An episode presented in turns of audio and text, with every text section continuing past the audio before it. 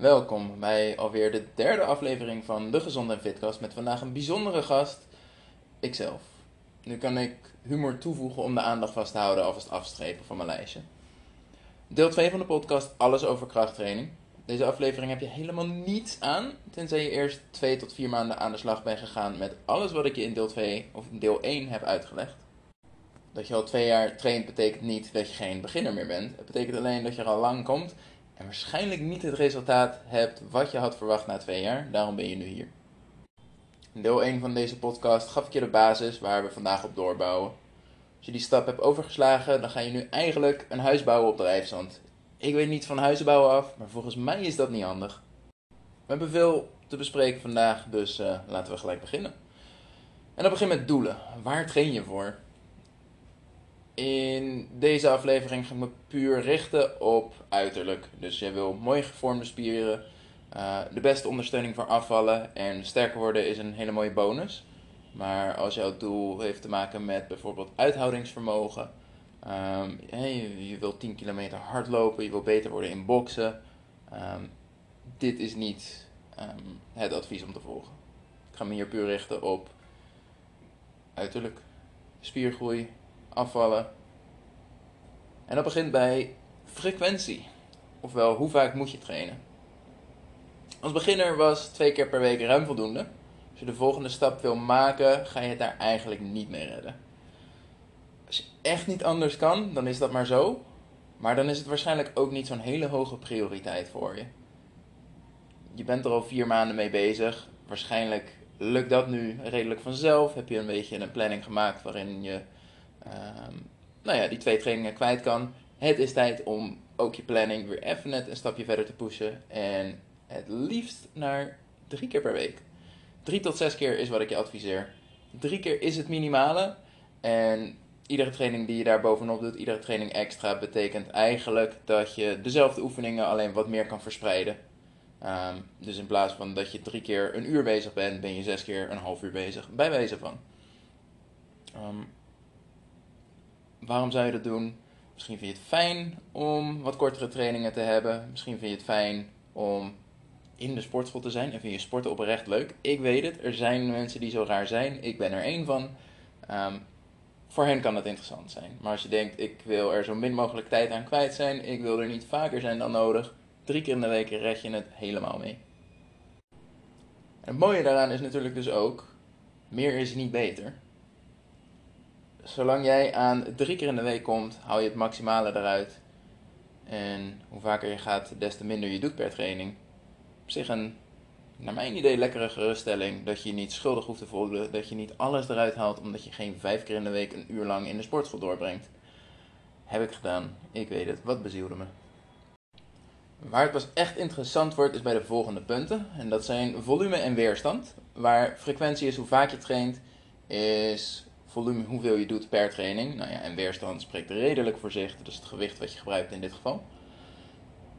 Volume is waar vooral vrouwen volledig de mist in gaan.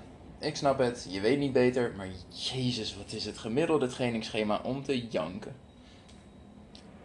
Er is geen enkele reden voor vrouwen om anders te trainen dan mannen. Je wordt niet per ongeluk zo gespierd als een man omdat je een jaar traint en zwaar traint en intensief traint. Er komt specifieke voeding en jarenlange training bij kijken. Je luistert dit waarschijnlijk omdat je overgewicht hebt, omdat je um, sport wil inzetten als ondersteuning om af te vallen, omdat je trots wil kunnen zijn als je in de spiegel kijkt. Je hoeft je hier niet druk om te maken. Laat me dat voorop stellen. Je hoeft je niet druk te maken dat je straks 10 kilo bent afgevallen en in de spiegel kijkt en denkt: jee, wat zijn mijn schouders breed geworden. Nee, tegen de tijd dat je dat punt wel zou bereiken, heb je allang de kennis en ervaring om je manier van trainen aan te passen. Um, om inderdaad niet te gespierd te worden voor wat je zelf mooi vindt. Dus het enige verschil tussen mannen en vrouwen zit hem wat dat betreft in de focus. Vrouwen richten zich over het algemeen graag meer op de billen, de benen en de buik. En mannen op de borstspieren en armen. Um, ja, ben ik wel schuldig aan.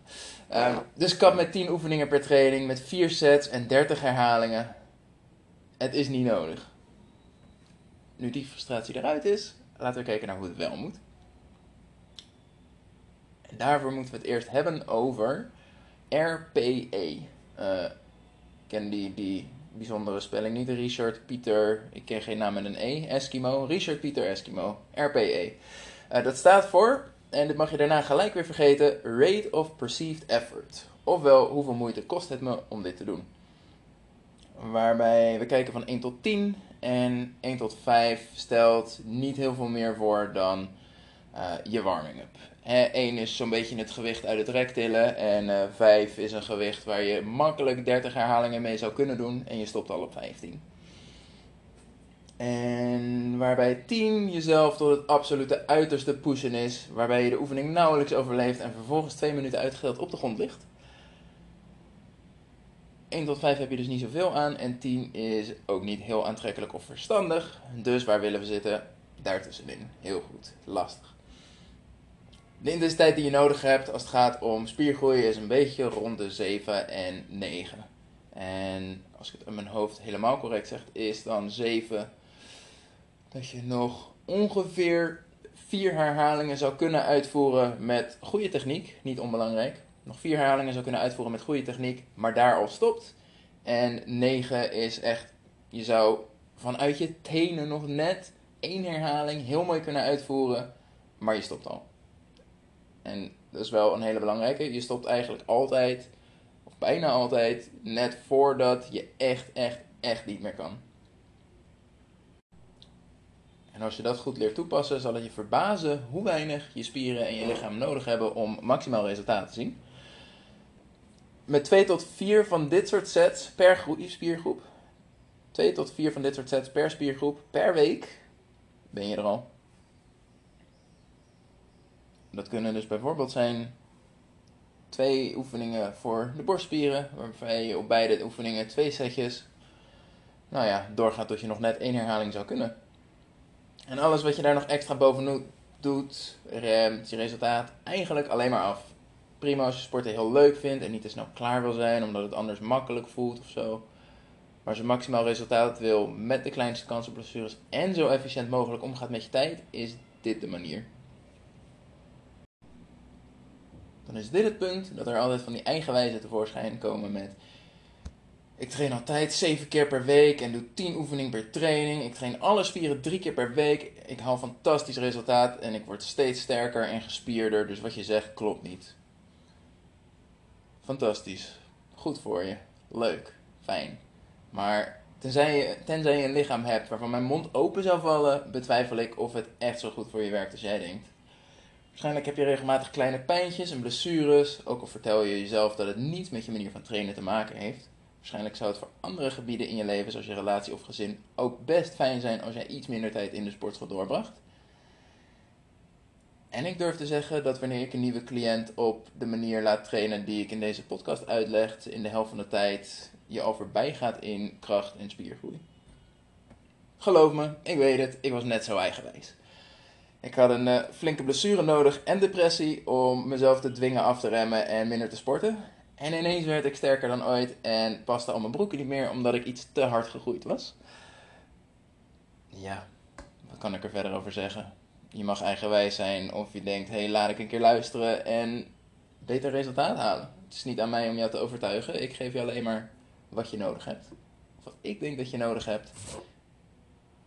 En aan jou maar wat mee te doen. Maar weet je, je emoties en wat jij leuk vindt en waar je in gelooft, onderzoeken geven er geen ene reet om. Die kijken naar wat het beste werkt en dat is dit. Dus dan komen we terug bij doelen. Wil je maximaal resultaat met minder pijntjes en meer vrije tijd? Of wil je heel veel sporten omdat je het leuk vindt en is de rest bijzaak? En dat is prima. Maar dan is dit niet het advies voor jou. Genoeg afgedwaald? 2 tot 4 sets per week per spiergroep, waarbij je nog ongeveer 1 à 2 herhalingen vanuit je tenen zou kunnen persen met goede techniek en uitvoering. Uh, wat weerstand, hè, gewicht betreft, kies een gewicht waarmee je ongeveer 5 tot 15 herhalingen kan. Wat je wil voorkomen is dat het zo zwaar is dat je na 3 herhalingen eigenlijk al niet meer kan. Je wil ook niet dat je bij 14, 15 bent en nog steeds ver door zou moeten kunnen, of nog steeds ver door zou kunnen gaan, dan ben je moe voordat je eigenlijk bij je grens komt. En dat is ook zonde, werkt niet. Dan komt er een punt heel ver in de toekomst waar je meer specifieke richtlijnen nodig hebt dan dit. Maar dan ben je op een heel gezond gewicht, zie er fantastisch uit en wil je nog meer. Nou, dat is het punt waar dit soort algemene richtlijnen en adviezen je niet gaan helpen en je met een coach aan de slag moet. Nogmaals, dit is echt als je er fantastisch uitziet. Niveau van mensen, hun mond valt open als ik in de sportschool loop, maar ik wil op de voorkant van een tijdschrift staan. Weet je, ja, zo specifiek. Dus um, hou dat in je achterhoofd. Dit is niet. Het blijft algemeen advies. Het is niet perfect op jou gericht. Als je dat wil, daar ben ik coach voor. Het blijft algemeen advies. En dat heeft zo zijn beperkingen. Maar um, voor na je beginnerstadium, hè, je hebt de eerste vier maanden deel 1 van de podcast toegepast. Je bent nu toe aan de volgende stap. Ik denk dat je zeker twee jaar hiermee aan de slag kan. En fantastisch resultaat behaalt voordat je druk hoeft te maken om de volgende stap. Dan is het nu tijd um, voor eentje waar ik nog heel veel mensen mee ga frustreren en ongemak zal bezorgen. Rust tussen je oefeningen. Het liefst ga je er zo snel mogelijk doorheen. Je duwt die lijkpress een paar keer weg, stop 15 seconden en doe het nog een keer. Zo herken je een beginner. En dat is prima, daar ben je beginner voor. Sterker nog, volgens mij heb ik dit zelfs aangeraden in deel 1. Gewoon weer verder gaan als je denkt dat je weer kan. Als gevorderde werkt dit niet meer. Wanneer je inderdaad jezelf leert pushen tot je nog net één of twee herhalingen zou kunnen, heeft je lichaam die rust namelijk heel hard nodig. Voor iedere oefening en spiergroep geldt minimaal twee, maar eigenlijk drie minuten rust. Ja, drie minuten lang voor je uitstaren. Terwijl je voor je gevoel na één minuut alweer zou kunnen. Ja, dit voelt ongemakkelijk in het begin. Ja, dit is even flink wennen. Maar na een maand wil je niet meer terug. Je kunt ineens veel meer geven tijdens iedere set in plaats van alleen de eerste twee oefeningen. En je resultaat gaat harder dan ooit tevoren. Dit is een van de dingen waar cliënten het meest voor haten. En wat tegelijkertijd dus ook het allerbelangrijkste is. Het is de fout die mensen blijven maken, vooral vrouwen. Die doen het liefst drie oefeningen achter elkaar voor dezelfde spieren als het even kan. Squats, squats, squats. Squats en lunges achter elkaar plakken bijvoorbeeld. Um, want als je het voelt branden, zal het wel goed zijn. Uh, helaas, maar nee. Wat mij betreft gelukkig, want die manier van trainen vind ik echt verschrikkelijk. Maar ook voor je resultaat is het dus niet zo handig. Dan zal ik je de ingewikkelde details besparen over hoe het niet alleen de spier is die moet herstellen en um, hoe je zenuwstelsel degene of de beperking is die die rust zo hard nodig heeft. Um, neem het van mij aan drie minuten. En of je nou op je telefoon zit of je een podcast luistert, zoals deze, maar misschien niet handig om deze in de sportschool te luisteren, maar liever ervoor. Um, weet je, hoe je die tijd doorbrengt, I don't care. Maar gun je lichaam rust, je hebt hem nodig. Dan pas je dit allemaal toe. Hoe weet je of het echt werkt? Misschien weet je het al, maar spierpijn is geen indicatie dat je goed getraind hebt. Ik kan je een programma geven waarmee je iedere dag niet kunt lopen van de spierpijn en je resultaat toch minimaal is. Spierpijn is eerder, ik heb iets gedaan wat mijn lichaam niet gewend is, zoals een nieuwe oefening of je begint überhaupt met trainen. Je zal het regelmatig voelen hoor, dat je getraind hebt en spierpijn, maar het betekent verder niks. Hoe je wel kan merken um, dat je flink getraind hebt, is als jij bijvoorbeeld maandag hè, de sportschool inkomt en je doet squats, 10 herhalingen, 40 kilo. En als je het dinsdag weer zou proberen, lukt het je misschien maar 5 keer en voelt het lang niet zo lekker als dat het op de maandag was. Um, dan weet je, deze spier is vermoeid en nog niet hersteld. Nou ja, dat is een mooi moment om uh, je trainingen iets handiger in te plannen en niet maandag en dinsdag dezelfde spiergroep te trainen. Ander onderwerp. Um, herstel is pas waar je echt progressie maakt. En als jij de spier dus de kans niet geeft om te herstellen, ga je, nou ja, nooit vooruit.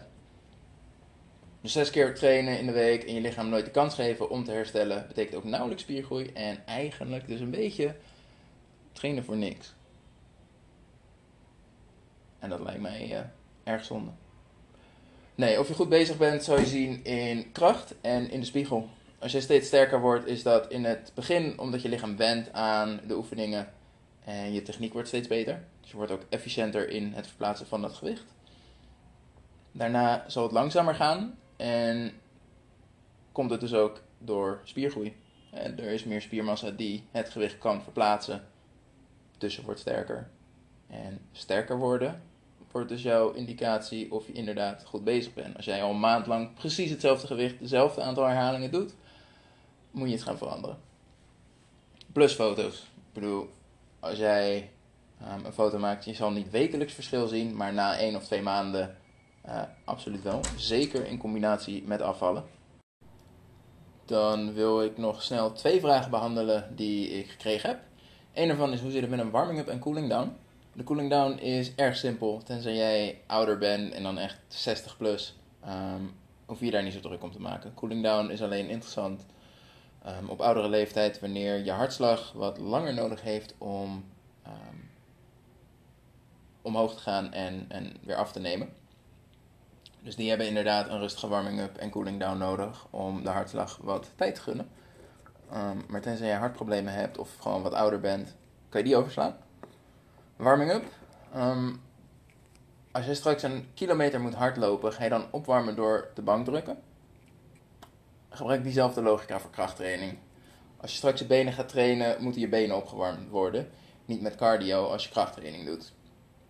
Dus eigenlijk is het heel makkelijk. Doe gewoon de eerste oefening van je programma op een wat lager gewicht. Zoals we dan weer kijken bij die eh, RPE, waar je normaal jezelf pusht tot nog net één of twee herhalingen in de tank als reserve. Um, mag het nu een heel stuk rustiger. RPE van 5, rustig inkomen. En uh, wanneer je weer begint aan een nieuwe spiergroep, doe je weer eerst even zo'n setje, rustig inkomen. En als de spier goed voelt, als je lichaam goed voelt, dan uh, mag je jezelf gaan pushen. Dus maak het ook niet ingewikkelder dan het is. Al dat stretchen en extra oefeningen die ik mensen zie doen vooraf. Hebben ze tijd te veel of zo? Terwijl iedereen die ik spreek vertelt me juist dat ze te weinig tijd hebben om te sporten. En tenslotte, als je wil afvallen, kracht of cardio, um, kies voor kracht. Heb ik in deel 1 ook al behandeld. Je verbrandt er op de langere termijn veel meer mee, ziet er beter uit, je bent sterker en bent fitter. Als je de tijd ervoor hebt en toch iets extra's wil doen, Doe dan cardio op een rustig tempo, zoals wandelen of een rustig tempo fietsen. Alles wat je intensiever doet dan dat, gaat weer ten koste van je training, herstel en resultaat. En dan komen we weer bij doelen. Als het jouw doel is om ook qua conditie vooruit te gaan, dan zal je wat intensievere cardio moeten doen. Maar weet dan dat het ten koste gaat van je resultaat um, uit de krachttraining. Je lichaam kan niet um, de beste zijn in alles. Je lichaam wordt beter in daar waar jij je op focust. En als jij op meerdere dingen gaat focussen, word je net iets minder goed in die dingen dan iemand die zich op één ding focust. Tot zover deel 2 van alles over krachttraining. Voor de komende weken staan er heel andere onderwerpen op de planning, dus daar kun je alvast naar uitkijken. Ik hoor heel graag wat je vond van deze aflevering. En als je vragen hebt, kun je me altijd vinden op Instagram, at Dat is J-O-E-R-I-fitcoach. Tot volgende week.